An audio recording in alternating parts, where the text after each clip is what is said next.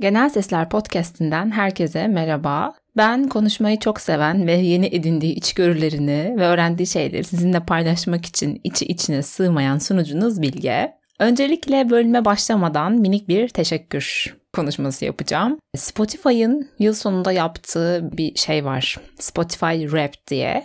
O sene boyunca en çok dinlediğiniz e, şarkılar, podcastler, şarkıcılar, müzisyenler her neyse size onları gösteriyor. Aynı şekilde bu sene Spotify bunu podcasterlar için de yapmış. Yani podcast yayıncıları için. Benim verilerime göre Spotify üzerinden bu sene 216 kişi podcast kategorisinde en çok genel sesleri dinlemiş. Bilmiyorum bu sayı bana gerçekten çok fazla geldi. Onca podcast'in içerisinden en çok genel sesleri dinlemeyi tercih eden 216 kişi. Sizi seviyorum ve teşekkür ediyorum. En çok beni dinlemeseler de yine de dinleyen geri kalan herkes sizi de seviyorum. Ama 216 kişi kadar değil. Her neyse çok teşekkür ederim dinlediğiniz için. Bu senenin sonuna yavaş yavaş yaklaşıyoruz ve bu yılın benim için en güzel hediyesi podcast yapmak, sizinle tanışmaktı. Bunu eklemek istedim.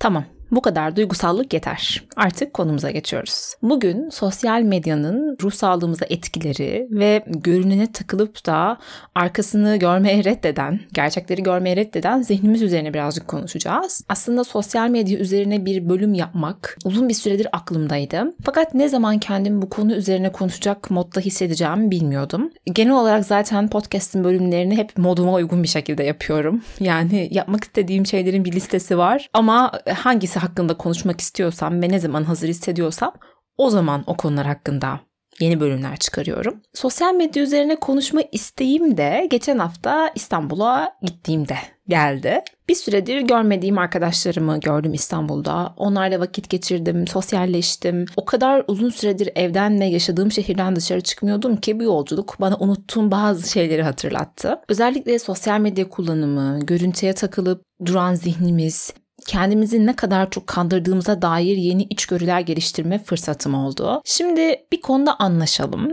Sosyal medyanın eğer biz izin verirsek hayatımızı mahvetme gibi bir potansiyeli var. Zaten yapılan araştırmalarda sosyal medyanın depresyon, anksiyete ve bağımlılık gibi ruhsal sıkıntıları da tetiklediğini gösteriyor. Bu bölümü hazırlamadan önce Instagram'da size bu konu hakkında düşündüklerinizi ve varsa sorularınızı sormuştum. Gelen yanıtların çoğunda bir şeyleri kaçırma duygusundan, yetersizlikten ve mutsuzluktan muzdarip olduğunuzu gördüm. Aslında hepimiz öyleyiz. Ben de öyleyim yani. Peki sosyal medyada gördüğümüz şeyler bizi böyle hissettirirken neden haladır boş vakitlerimizin çoğunu orada geçiriyoruz? Bu soruyu kendime de soruyorum bu arada. her boş bulduğum vakitte ya da her bir şeyde zorlandığımda direkt telefonuma koşuyorum ve YouTube, Instagram, Twitter her neyse işte o sosyal medya mecralarından birisinde kaybolmayı istiyorum. Çünkü sosyal medya bağımlılık yapıyor. Evet yeni bir şey değil değil mi bu? Başlamadan önce ufak bir belirteyim. Bu bölümün amacı sosyal medya şöyle kötü böyle kötü rezalet falan gibi bir şey değil. Ben de kullanıyorum. Podcast'inde bir Instagram hesabı var. Bu bölümün amacı bizim alışkanlıklarımıza, kendimize farkında olmadan zarar verdiğimiz zamanları bir farkındalık seviyesine çıkartabilmek. Biraz böyle karmaşık bir cümle kurdum ama anlatacağım şimdi ne olduğunu. Bölümü yaparken bir araştırma okudum ve orada şöyle sonuçlar listelenmişti. Diyor ki ABD'de her 6 dakikada bir anlık mesajlara bakıyor insanlar. Yani telefonumuza bakma süremiz mesajlarımıza, bildirimlerimize de 6 dakika. E, maksimum 6 dakika uzak kalabiliyoruz. Üçte birinden fazlası bu insanların 3 dakikada bir bakıyor. Yani 3 dakikada bir eli sürekli telefonuna gidiyor gelen bildirimler yüzünden. Ya zaten böyle bir durumda odaklanmak diye bir şey söz konusu dahi olamaz herhangi bir şeye. Yine aynı şekilde ABD'de ortalama bir genç günde 7 saatten fazla ekran başında geçiriyor. Bu 2019 raporu yani Covid öncesine denk geliyor. Bence sonrasında çok daha artmıştır. Bu araştırmalar ABD'de yapılmış fakat Türkiye'de ben bunun çok da farklı olduğunu düşünmüyorum. Yani 7 saat belki az bile. Okuduğum araştırmada Gördüğüm patern şu oldu. 3 dakikada bir ya da en fazla 6 dakikada bir sürekli elimiz telefona gidiyor. Günde 7 saatten fazlasını ekran başında geçiriyoruz. Hatta bölümü hazırlarken Instagram'da istatistiklerime girdim. Daha öncesinde hiç bakmıyordum. Ve gördüm ki günde yaklaşık 2,5 saatimi falan Instagram'da harcıyormuşum. Ya bu imkansız dedim. Olamaz nasıl böyle bir şey harcıyor olabilirim 2,5 saatimi? Bana sorarsanız o kadar da çok girmiyorum. Özellikle dikkat etmeye çalışmama rağmen, kendimi uzak tutmaya çalışmama rağmen aralarda küçük küçük işte yatmadan önce, sabah işte uyandığımda birazcık, gün içerisinde bulduğum boşluklarda falan bakarken iki buçuk saat gibi bir zamanı neredeyse harcıyorum. Instagram'da, sadece Instagram'da. Uzun bir süre oturup bir saatimi, iki saatimi ona ayırmıyorum. Kimse bu şekilde yapmıyor zaten. O küçük anlarda, boşluklarımızda sosyal medyayı kullanarak farkında olmadan büyük bir zamanı oraya vermiş oluyoruz. Bu çok ilginç çünkü e, malum hepimiz zamansızlıktan yakınıyoruz. Ama sosyal medyada harcadığımız en azından benim harcadığım bir iki, iki buçuk saat gibi bir zaman dilimi var. O zamanın içerisinde o kadar çok kitap okuyabilirim ve o kadar farklı işler yapabilirim ki. Ama gelip bana sorsanız ya Bilge Hanım çoğu şey yetiştiremiyor. Çoğu şey yetişemiyor. Vakti yok falan filan. Ben yine iki buçuk saat iyiymişim biraz araştırdığımda ortalama insanların 4 saat kullandığı söyleniliyor. 4 saat. Dile kolay. Benim sosyal medyayla olan kişisel ilişkim çok yeni. Doğruyu söylemek gerekirse. Podcast yapmaya başladıktan sonra bir Instagram hesabı açtım podcast için. Ondan öncesinde kişisel bir hesabım vardı ama çok yani kullanmıyordum. Bundan daha önceden de bahsetmiştim galiba zaten. İlk böyle podcast için içerik üretmeye başladığımda ve Instagram'ı kullanmaya başladığımda bir Instagram zehirlenmesi yaşadım. Onu söyleyeyim. Bir böyle kaldıramadım yani oradaki haber akışı, sürekli gelen yeni bilgiler, şaşkına döndüm. E, tam da böyle Muğla'da yangın çıktığı zamana denk gelmişti ve sürekli haberler akıyor, resimler, haberler, resimler, haberler. Bir yerden sonra gerçekten geceleri uyuyamaz, gündüzleri hiçbir şey yapamaz hale geldim. Çok çok kötü etkilenmiştim. O zaman arkadaşlarım alışık olmadığın için böylesin biz de etkileniyoruz ama senin kadar etkilenmiyoruz demişlerdi. Fakat zaman geçti ben Instagram'ı kullanmaya devam ettim ve hala da ruhsal sağlığım üzerinde gerçekten çok kötü etkileri olduğunu düşünüyorum. Öncelikle Instagram'a neden bağımlıyız ve neden kullanıyoruz diye sormuştum. Bunun sebebi şu. Instagram'da Instagram'ın bizde alışkanlık haline gelmesi için özellikle çalışan bir ekibi var. Biraz böyle komple teorisi gibi olmuş olabilir ama bir belgesel var The Social Dilemma diye. İzlemenizi çok tavsiye ederim. Orada Instagram'ın, Facebook'un, Google'ın eski çalışanları, Pinterest'in eski CEO'su gibi insanlar yani bu sosyal medya işinin tam göbeğinde çalışmış kişiler nasıl bu platformların bağımlılık yapıcı hale gelmesi için çalıştıklarını anlatıyorlar. Orada Google'ın eski çalışanlarından bir tanesi diyor ki sizin de beyin kökünüzde hiç fark etmeyeceğiniz bir noktada hissettirmeden bir bağımlılık, bir alışkanlık yaratıyoruz neyi görmek istediğinizi Instagram'daki herhangi bir posta kaç saniye baktığınız dahi hesaplanıyor ve o hesaplardan sizi daha fazla orada tutmak için hangi bilgilerin önünüze getirilmesi gerektiği öngörülüyor.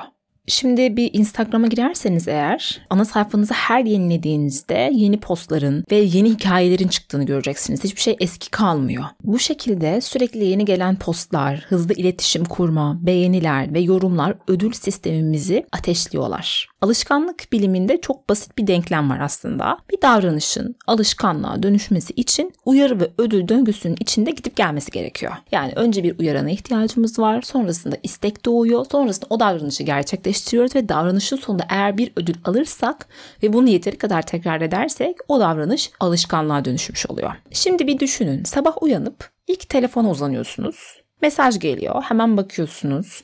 Otobüste, metroda hep Instagram, Twitter veya WhatsApp'ta dolaşıyorsunuz. Günde 3-4 saati hiç anlamadan aslında sosyal medyada geçiriyorsunuz ve bunun tek sebebi yüksek düzeyde yenilikle ödüllendirilmeniz. Buna aralıklı olumlu pekiştirme deniyormuş. Ben de yeni öğrendim. Yani aralıklar içerisinde her girdiğimde yeniden, yeniden ve yeniden ödüllendiriliyorum. Şunu çok iyi biliyor zihnim. Ben telefonu elime aldığımda farklı bir şeylerle karşılaşacağım. Yeni bir şeyle karşılaşacağım. Ve bu karşı konulmaz oluyor. Mesela geçen gün matematik çalışıyorum. Bir soruda gerçekten çok bunaldım ve yoruldum. Elim direkt telefona gitti. Ya da diyelim podcast için yeni bir konu üzerine araştırma yapıyorum ve biraz sıkıldım okuduğum şeyden. Elim direkt telefona gidiyor. O sıkıldığım şeyin üzerinde kalma kapasitem o kadar azalmış ki direkt bir ödül arıyorum, direkt bir yenilik arıyorum. Ama gerçek hayatta ödüller bu kadar hızlı gelmiyor. Başarı bir gecede gelmiyor. Yaptığımız şeyin karşılığını bir anda alamıyoruz. Instagram'ın aslında yaptığı bu şey ya da diğer sosyal medya platformlarının evrimimize uymayan bir şekilde bizi ödüllendirmesi. Mesela keşfetimi sürekli yeniliyorum. Her yenilediğimde yeni şeyler geliyor. Çünkü sosyal medya tabiri caizse biz obez çocuklarını daha fazla patates kızartmasıyla şımartıyor. Sanıyoruz ki mutlu olacağız. Ama günün sonunda nasıl obez biri için doğru seçim kızartma değilse biz de bizim için o seçimin sosyal medya olmadığını anlıyoruz. Bu anlama genellikle hafif bir tiksinti, rahatsızlık ve kendinden soğuma hissiyle birlikte geliyor. İşte bence o his bile aslında yanlış bir yolda olduğumuzu bize söylüyor. Eminim size yabancı gelmiyordur. Elinizde telefon saatlerce girdiniz, girdiniz, girdiniz, girdiniz ve morona dönüştünüz. Çok mu kaba konuştum şu an? Ama gerçekten ben kendimi şahsen moron gibi hissediyorum. O kadar çok vaktimi orada harcayınca. Çünkü hayatta yapabileceğimiz ve keşfedebileceğimiz çok farklı şeyler var ama onun yerine sürekli ekranlarda başka insanların hayatlarına, başka insanların başarılarına takılıyoruz. Onlara özeniyoruz. Bir şekilde içimizden onlar gibi olmak geliyor. Bu da ayrı bir şey zaten. Şöyle düşünün. Instagram'da gördüğümüz o fotoğraflar ya da hikayeler yani bir hikaye kaç saniye? En fazla 15-20 saniye. Bir posttaki resim ise bir saniyelik bir çekim.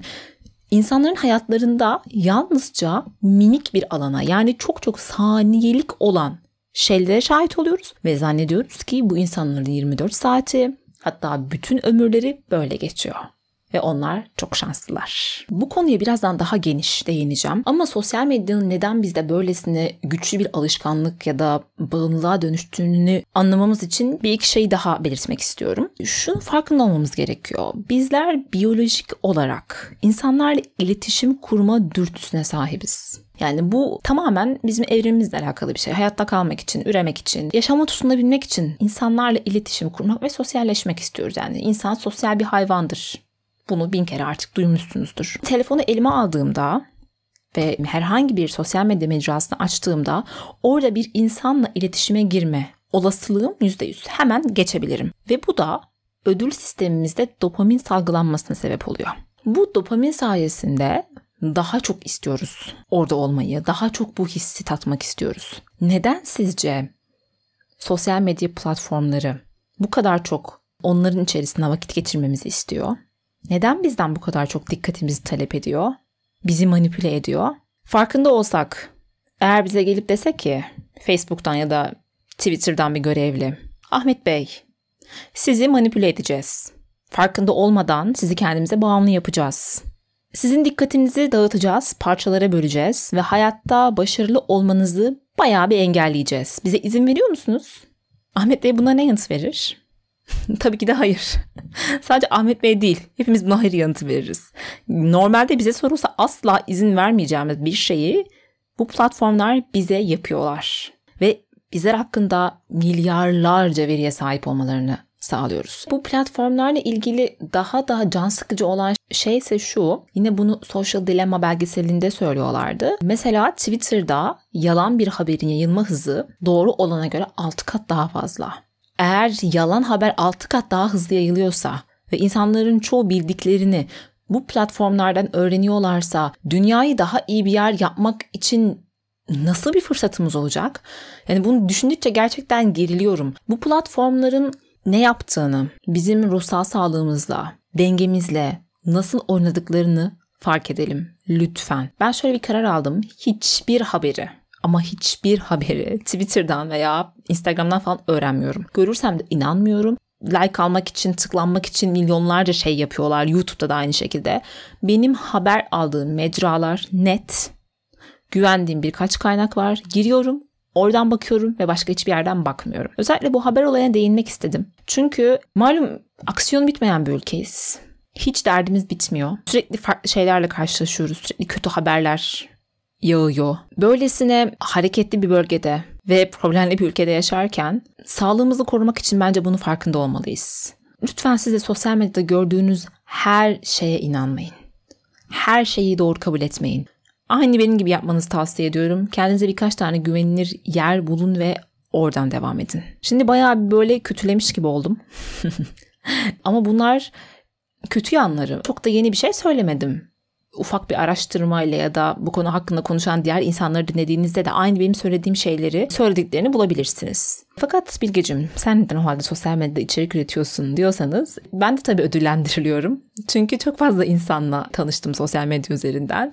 Bu podcast'in dinleyicilerinin çoğuyla aslında Instagram üzerinden tanıştık, konuştuk ve hala da ara ara konuşuyorum pek çoğunuzla. Bu beni çok mutlu ediyor. Tabii ki de ödül sistemimi de tetikliyor ama burada yanlış bir ödül aldığımı düşünmüyorum. Yaptığım şeyi dünyayı daha güzel bir yer haline getirmek, yaşadığım alanı daha iyi yapabilmek için yapıyorum. ne çok yapıyorum dedim ya. E, ve buna karşılık güzel insanlarla tanışmak çok iyi geliyor. Ve aynı şekilde dediğim gibi sosyal medyada o kadar çok yalan haber, yanlış bilgi ve gereksiz şey dönüyor ve insanların psikolojileri o kadar çok bozuluyor ki belki de bir tarafından da düzeltmek istiyorum bunu. Birazcık büyük bir hedef ya da büyük bir söylen gibi gelebilir. Böyle bir sorumluluk almıyorum tabii ki de. Hani insanların psikolojilerini düzelteceğim falan filan böyle bir sorumluluk kesinlikle almıyorum. Ama Instagram'a girdiğimde ne görmek istiyorsam, ben karşıma ne çıkmasını istiyorsam aynen onu üretiyorum. Dünyada var olmasını istediğim değişiklik oluyorum. Tam anlamıyla. Bunu çok mükemmel bir şekilde yapıyor muyum bilmiyorum. Elimden geldiğince en iyisini yapma çabası içerisindeyim. Çünkü sonuçta bu platformları eğer kullanmasak hiçbir etkileri olmaz. Onları bu hale getiren şey biziz yani insanlar. O kadar çok insan kullanıyorsa ve bunun farklı faydalarını da görebileceksek neden oradaki değişikliklerden birinde ben yapmayayım ya da siz yapmayasınız? Bu açıdan sosyal medyayı kullanıyorum. Fakat eksilerinin farkında olmak ve buna göre önlemler almak da benim için çok önemli. Bu önlemler arasında bazı uygulamalar da var benim için. Mesela çalışmaya başladığım zamanlarda Instagram'ı, YouTube'u ve WhatsApp'ı engelleyen bir uygulama indirdim telefonuma. İsmi Off Time ve oradan Mesela 8 saatlik bir zaman dilimi ayarlıyorum gün içerisinde ya da 3 saatlik ya da 5 saatlik fark etmez. O süre içerisinde beni hiçbir şekilde sosyal medyaya ya da belirlediğim sitelere sokmuyor. Her ne kadar çabalasam da elim gitse de her tıkladığına bakıyorum olmuyor. Her tıkladığına bakıyorum olmuyor. Bir yerden sonra bırakıyorum. Bu şekilde üretkenliğimi ve dikkat yeteneğimi arttırmaya çabalıyorum. Bölümün başında söylemiştim sorular sordum Instagram üzerinden diye sosyal medyanın sizin ruh sağlığınız üzerindeki etkileri hakkında ve genel olarak şöyle bir patern gördüm gelen yanıtlarda mutsuz hissediyorum. Başkalarının gittiği yerleri görüyorum ve özeniyorum. Çok yetersizlik hissediyorum. Yeteri kadar başarılı, üretken ya da iyi hissetmiyorum gibi şeyler. Fark ettiyseniz tüm bu söylemler aslında görünene takılan zihnimizin söylediği şeyler. Bir resim görüyoruz, bir post okuyoruz, bir hikayeye bakıyoruz ve kendimizi bu duyguların içerisinde buluyoruz. Şöyle bir durum var. Sosyal medyada zaten güzel şeyler görmek istiyoruz hepimiz. Öyle değil mi? Yani kimse kötü bir profile girip bakmak istemiyor. Önce neyi istediğimizin ve neden orada olduğumuzu bir fark edelim. Kötü bir profil hiçbir zaman sosyal medyada büyüyemez ya da çok nadirdir. Bu nedenle insanlar her zaman en güzel anlarını ve en güzel şeylerini orada paylaşıyorlar. Ben genellikle bilgi içerikli postlar paylaşıyorum. İşte bölümlerde bahsettiğim şeyler ya da ekstradan ilgimi çeken şeyleri, kitap notlarını ve zaten böyle milyonlarca bir takipçisi olan hesabım da yok. Buna bağlı olarak bununla ilgilenen sınırlı bir sayıda insan var orada. E, milyonlarca takipçisi olan ya da yüz binlerce takipçisi olan insanlar zaten güzel hayatlarını paylaştıkları için takip ediliyorlar. Onların hayatları bize benzese ve kötü olsa, e, aynı bizim gibi hayatlar yaşıyor olsalar takip edileceklerini hiç zannetmiyorum. O kadar insanın onları bu kadar sıkı takip ediyor olmasının sebebi zaten bu. Güzel anlar ve güzel fotoğraflar paylaşıyor olmaları ve kendilerini güzel pazarlıyor olmaları. Bu gerçekten de görünen bir şey. Dediğim gibi yani birkaç saniyelik hikaye ya da bir anlık fotoğraflara bakarak yargılara varıyoruz. Benim bu konuyla ilgili anlatmak istediğim iki hikaye var. Bir tanesi benimle ilgili, bir tanesi ise takip ettiğim bir influencerla ilgili. Bu Amerikalı bir influencer. Çok da severek takip ediyorum kendisini. Çok tatlı bir kız. Podcast da yapıyor. Bir gün podcastinde Instagram'dan bahsediyordu. Aynı bu şekilde görünene takılan zihnimizden. Onun Instagram hesabı 14 milyon yanılmıyorsam. Tatile gitmiş arkadaşlarıyla. Tatilde çok güzel resimler çekmişler ve Instagram'a koymuşlar. Göründüğünde işte deniz var, çok lüks bir ev var, gencecik güzel arkadaşlar, eğlence, milyonlarca takipçi para hepsi var. Kızın yaşı da bu arada yani ya 19 ya 20 çok küçük de bir yaşta. İnsan şeyi düşünebilir böyle bir resim gördüğünde ya inanamıyorum hani bu hayatı ben boşuna yaşıyorum galiba hani kız 20 yaşında ve yaşadığı hayata bak. Ve hepsini de kendi parasıyla yapıyor. Aile parası da değil bakıldığında. Fakat diyor ki o resmin arkasında aslında oldukça büyük rahatsızlıklar gizliydi. Sizin gördüğünüzden çok alakasız bir durum içerisindeydik. Evet çok harika bir yerde tatil yapıyorduk. Çok güzel bir evdeydik. Fakat diyor bilmediğim bir yerde olduğum için ve eve alışamadığım için kabuz oldum. Evet. Bunu bekliyor muydunuz bilmiyorum ama gerçekten de tatilde geçirdiği 3-4 gün boyunca şiddetli karın ağrısı yaşadığını, kabız olduğunu ve çok rahatsız hissettiğini fotoğraftakiler gibi eğlenemediğini, eve gitmek için gün saydığını söylüyor. Yani şeyi düşünmezsiniz o resme baktığınızda ya bu kız da kabız olmuştur falan. Öyle bir şey asla düşünmezsiniz. Ama gerçek hayatta çok farklı şeyler olabiliyor. Burada görünene takılan zihin diyor ki bu hayata bak mükemmel ama arka plandaki hayatta kızcağız bayağı zorlu dakikalar geçiriyor. Tuvalete gidemiyor, artık evine dönmek istiyor, tatilden zevk alamıyor. Çünkü vücudumuzda yanlış giden bir şey varsa çevresel şartlarımız ne kadar iyi olursa olsun mutlu ve rahat hissedemeyiz. Bu imkansız. Midem bulanırken gerekirse dünyanın en iyi tatil merkezinde olayım yine de eğlenemem. Bu hikayesini ondan dinlediğimde ufak bir aydınlanma yaşamıştım. Yani Instagram'da görüp de özendiğimiz o şeyler genellikle özenle hazırlanmış. Oraya konmak için planlanmış, çabalanmış bir nevi aslında sahte şeyler. Kimse hastalıklarından, rahatsızlıklarından falan bahsetmiyor. Ben şimdi bir de kendi hikayemi anlatmak istiyorum size.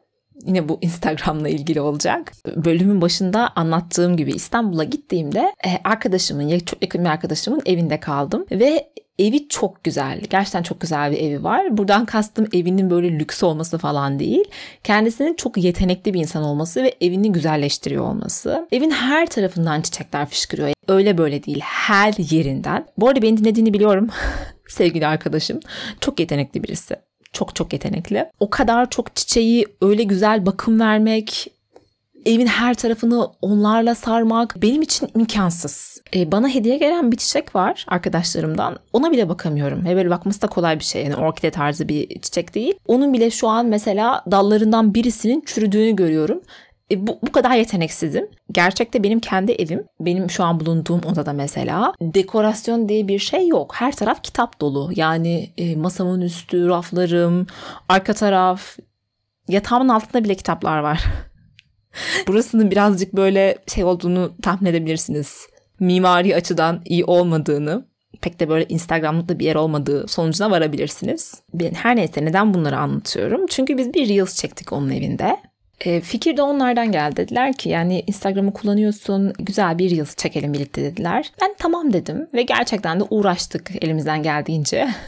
E, güzel bir yıl çektik. Böyle onun çiçekleri güzel evinde. Sonrasında da paylaştım bunu. Hatta hüge olarak paylaştım. Bu arada yalan değildi. Hani gerçekten de biz orada o gün kahvemizi yaptık, mumlarımızı yaktık. Gayet mutlu bir ortam oluşturduk. Sadece orada arkadaşım beni kısa bir filme almış oldu. Ondan sonrasında biz yine kendi hügemizi aslında yaptık. Fakat Gelen yorumlardan gördüğüm kadarıyla insanlar elbette ki orayı benim evim zannettiler. Hatta sevgili Ayşenur şöyle bir şey yazmış. Bu arada Ayşenur seni tanıyorum.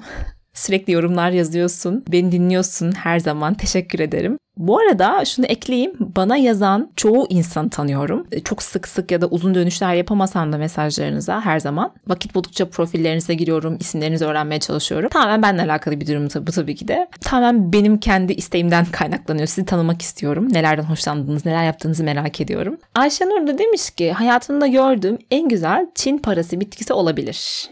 Bu yorumu gördüğümde verdiğim tepki şu oldu. Çin parası bitkisine. Bilmiyorum Çin parası bitkisinin hangisi olduğunu. o kadar çok bitki vardı ki Reel'ın içerisinde. Bu hikayeyi neden anlatıyorum? Sosyal medyada gördüğümüz çoğu şey gerçekten de gerçek değil. Çünkü sosyal medya bunun için tasarlanmış bir yer değil. Ve bizler de gerçekleri görmek istemiyoruz. İnanın şu an bulunduğum odadan bir yıl çeksem aslında çekmek aklımda var. Ee, arkadaşımın evinde çektiğim ki kadar estetik olmayacak ve beğeni toplamayacaktır. Çünkü sosyal medyada özellikle Instagram üzerinden şu an konuşuyorum. Görselliğe önem veriyoruz. Görsel bir şeyler görmek, bir doyuma ulaşmak istiyoruz. İnsanlar ve takip ettiğimiz kişiler de bize bunu verdiğinde psikolojik olarak bunalıma giriyoruz. Aslında her şeyi kendi kendimize yapıyoruz farkındaysanız. Bu kadar konuşmanın sonucunda varmak istediğim şey şu. Gördüğümüz çoğu şey gerçekleri yansıtmıyor. Ben de şu an orada içerik üreticiliği yaptığım için söylüyorum. Özenle hazırladığım, gerçekten emek verdiğim şeyleri paylaşıyorum. O Reel'da da çok böyle sevdiğim hüge konseptini tarif eden bir görsel anlatı sunmak istedim aslında sorarsanız. Bunun için de arkadaşımın evi çok müsaitti. Fakat izleyenlerin hepsi büyük ihtimalle orayı benim evim, o çiçekleri de benim çiçeklerim zannetti. Ve benim buradan çok güzel çiçekler bakan ve çok da güzel bir evi olan insan olduğum sonucuna varılabilir. Fakat öyle değil. E, çiçeklere hiç bakamıyorum. Umarım bir gün bakarım. Umarım bir gün o kadar yetenekli ben de olurum. Buna vakit ayırabilirim. Lütfen ama lütfen ruhsal sağlığınızı ve kendinizi seviyorsanız gördüğünüz her şeye inanmayın ve kanmayın. Buradan şunu söylemiyorum. O hayatlar çok kötü. İşte zenginlik o kadar da iyi bir şey değil. Hayır, büyük ihtimalle gördüğümüz insanların hayatları güzel, iyi hayatlar yaşıyorlar. Ama o insanlar da aynı bizim gibiler. İnsanlar yani bir sürü insani şey yaşıyorlar ne bileyim kabız oluyorlar, utanç verici olaylar başlarına geliyor, yalan söylüyorlar, beyinleri hedonik adaptasyona maruz kalıyor ve ellerindeki şeylere günün sonunda belki de alışıyorlar. Mesela ben Instagram hesabını ilk açtığımda ve ilk 100 takipçim olduğunda sevinçten havalara uçmuştum. Hatta arkadaşıma 88 e, takipçim oldu çok mutluyum falan yazmışım. Şu an Instagram hesabım 11 bini geçti fakat geçenlerde kendimi çok başarısız hissettiğim için ağladım.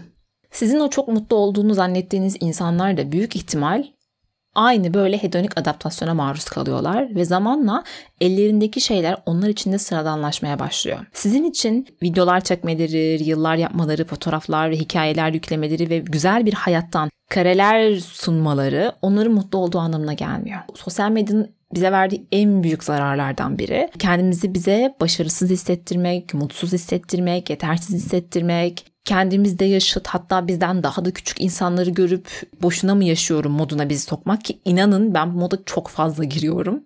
Ama günün sonunda hepimizin çalışma sebebi ve hayal kurma, bir şeyleri başarmayı isteme sebebi ne? Mutluluğa ulaşmak. Ve mutluluk bunlarla alakalı değil. Asıl bu konuya gelmek istiyordum bölümün başından beri. Elimizdeki şeylere her zaman alışıyoruz. Ben 100 takipçiye sevinirken bakın şimdi kendim başarısız hissediyorum. 11 bin takipçi geçtiği halde hesap. Ya da onlar da aynı şekilde zamanda 100 bin takipçiye sevinirken şu an 3 milyon takipçileri belki az geliyor ve kendilerini başkalarıyla kıyaslıyorlar. Ya da sahip takipçi de demeyeyim burada.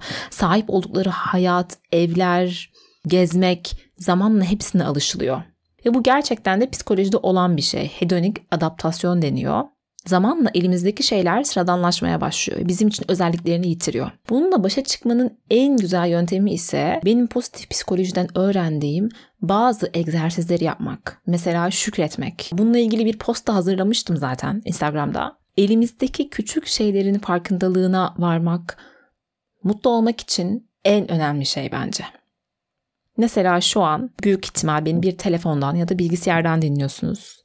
Ve büyük ihtimal kulaklıklarınız takılı Elinizde bir teknolojik alet var. Belki en iyi ya da en son modeli değil ama bu bile bir şükür sebebi olabilir. Bakın birbirimizi bulduk bu sayede. Buna şükredebiliriz. Mesela ben şu an bir mikrofona konuşuyorum ve böyle güzel bir mikrofona sahip olabildiğim için ve bu şekilde kayıtlar almama yardımcı olduğu için buna şükrediyorum. Bunu bu arada bu kaydı yaparken fark ettim. Daha öncesinde oturup da hiç mikrofonuma şükretmemiştim ama güzel bir farkındalık oldu. Şükretmek, belki birazcık egzersiz yapmak, ya da meditasyon yapmak yani genel olarak tavsiye edilen bu şeyler eğer düzenli bir pratiğe oturtulursa çok faydalı olacak bize. Burada başarılı olma hissinizden ya da hedeflerinizden vazgeçin demiyorum. Zaten hedefler bir insanın mutluluğu için de çok önemli. Bir şeyleri başarma hissine kavuşmak bir insanın mutluluğu için çok önemli. Fakat şükrederek, elinizdekilerin kıymetini bilerek daha fazlasını istemeye devam edin ve daha fazlası için çalışmaya devam edin. Ben en azından öyle yapıyorum. Ve sosyal medyaya her girdiğinizde Lütfen okuduğunuz haberlerin büyük ihtimalle çoğunun yalan olduğunu, gördüğünüz resimlerin, fotoğrafların ve reel'ların gerçeği yansıtmadığını, sadece özenle hazırlanmış, çekilmiş saniyeler olduklarını, insanların insan olduğunu ve her insanın hayatında farklı karmaşaların, farklı sıkıntıların olduğunu hatırlayın. Lütfen bu platformları daha güzel bir yer haline getirmek psikolojimizi daha az bozan ve bize daha çok fayda sağlayan alanlar haline getirmek de bizim elimizde. Siz de bunun bir parçası olabilirsiniz. Siz de orada güzel içerikler üretebilir, güzel paylaşımlarda bulunabilirsiniz. Özenle seçiyorum her zaman takip ettiğim hesapları ve o hesaplardan çok fazla şey öğreniyorum, çok fazla motivasyon elde ediyorum. Benim hayatıma olumlu katkıları oluyor. Siz de bu şekilde başka insanların hayatına olumlu katkılarda bulunabilir ya da kendi hayatınıza pozitif etki etmesi için güzel hesapları takip etmeyi tercih edebilirsiniz. Hepsi sizin elinizde. Bu bölümü artık kapatıyorum. Sosyal medyayı lütfen dikkatli kullanın. Gerekirse engelleyici aplikasyonlar indirin. Gün içerisinde dikkatinizi dağıtmasına izin vermeyin. Güzel hesapları takip edin. Genel Sesler Podcast'inde hesabını takip edin. ben de görmek istediğim içerikleri orada üretiyorum. Kendinize çok çok iyi bakın. Şükretmeyi unutmayın. Hatta hemen şimdi bu bölümü ben bitirdiğim an şöyle bir oturun düşünün. Aklınıza gelen 3 tane minik şeye şükredin ve hayata öyle devam edin. Genel Sesler Podcast'inin bir bölümünün daha sonuna geldik. Gelecek bölümlerde görüşmek üzere. Hoşçakalın.